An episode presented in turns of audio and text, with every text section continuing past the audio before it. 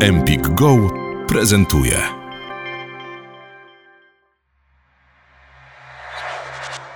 Nikogo nie uwięziłam.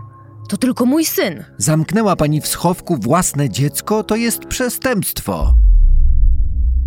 Uwięzienie małego chłopca przez jego własną rodzinę okazało się być zaledwie wierzchołkiem góry lodowej w tej pełnej tajemnic i zwrotów akcji historii.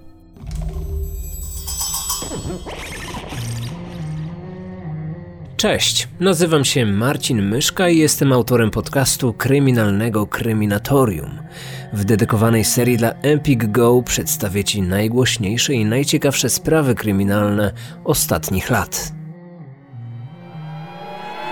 Odcinek piąty. Sprawa dzieci z Kurim. Eduard Twardy, mieszkaniec niewielkiego czeskiego miasteczka Kurim, 7 maja 2007 roku po raz pierwszy miał zostać ojcem. Dzień wcześniej odwiózł żonę do szpitala, ale poród wciąż się odwlekał. Przed mającymi się odbyć lada moment narodzinami postanowił ukończyć urządzenie dziecięcego pokoiku. Mężczyzna chciał iść z duchem czasu, więc ostatnim elementem nowego wystroju było zainstalowanie elektronicznej niani, czyli urządzenia, które mogło przesyłać obraz dziecięcego łóżeczka wprost na ekran telewizora. Dzięki temu mężczyzna mógł pilnować dziecka bez wstawania z kanapy. Test sprzętu wyszedł pomyślnie. Niania działała bez zarzutu. Tylko obraz na telewizorze był jakiś dziwny, czarno-biały, lekko śnieżący i na pewno nie pochodził z jego mieszkania.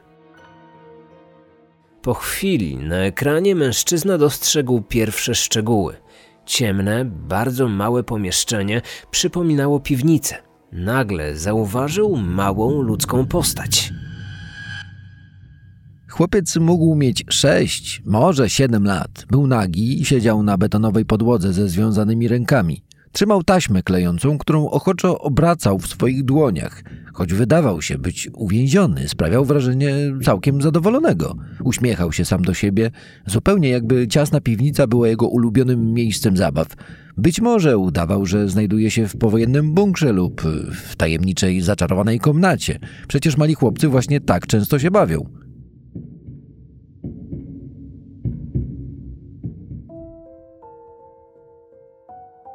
Instrukcja obsługi elektronicznej niani ostrzegała, że teoretycznie możliwe jest przechwycenie obrazu z podobnego urządzenia tej samej firmy.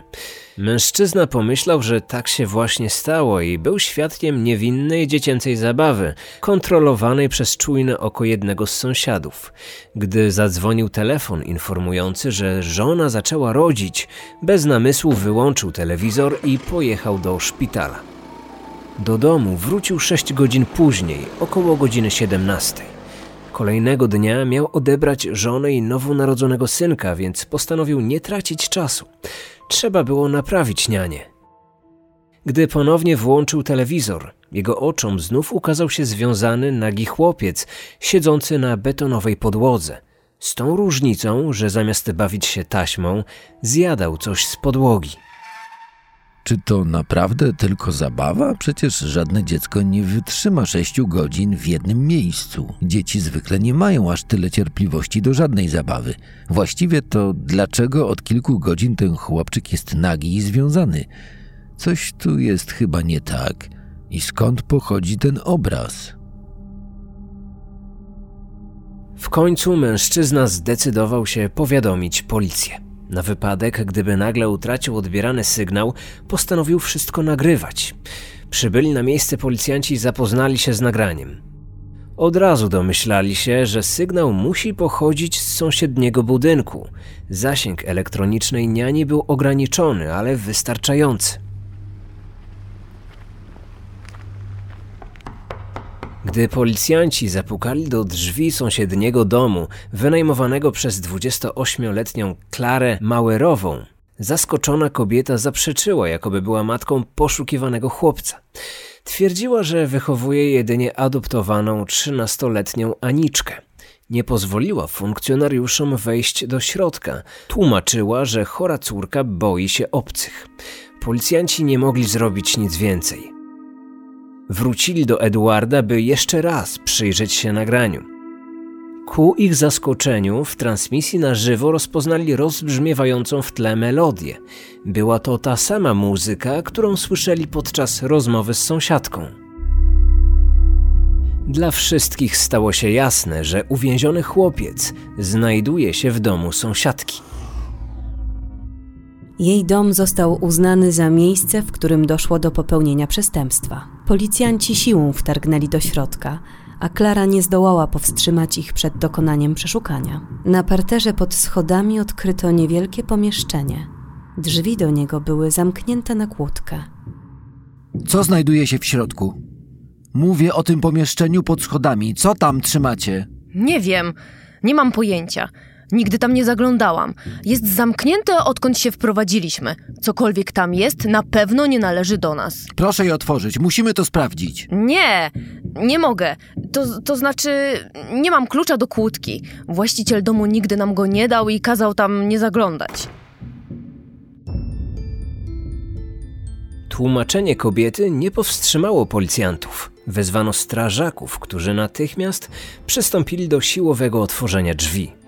W tym samym czasie z góry zbiegła trzynastoletnia Aniczka razem z Kateriną, starszą siostrą Klary. Wszystkie trzy zaczęły krzyczeć i odciągać strażaków od pomieszczenia. Policjanci siłą próbowali odsunąć rozhisteryzowane osoby. Klara i Katerina szybko dały za wygraną, ale Aniczka walczyła do końca. Biła, kopała i drapała. Za wszelką cenę starała się nie dopuścić do otworzenia schowka. Nagle drzwi się otworzyły. Pierwszą rzeczą, jaka uderzyła policjantów, był odrażający smród ludzkich odchodów, wydobywający się z pomieszczenia.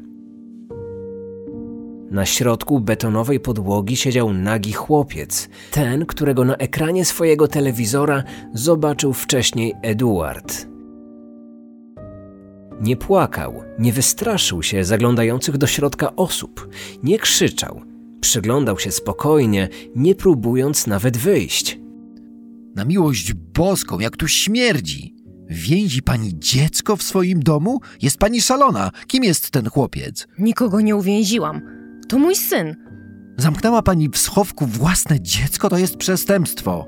Wy nic nie wiecie. Nie macie o niczym zielonego pojęcia. Nigdy nie będziecie w stanie tego zrozumieć.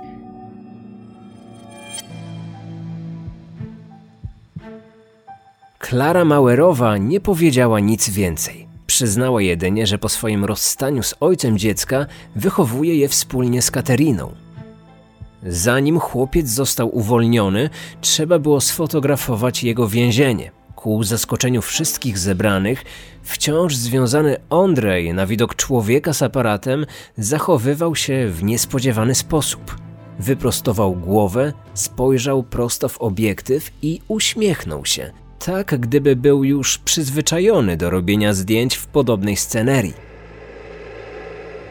Andrzej zabrany został do szpitala. Tam okazało się, że chłopiec jest w złym stanie, zarówno psychicznym, jak i fizycznym.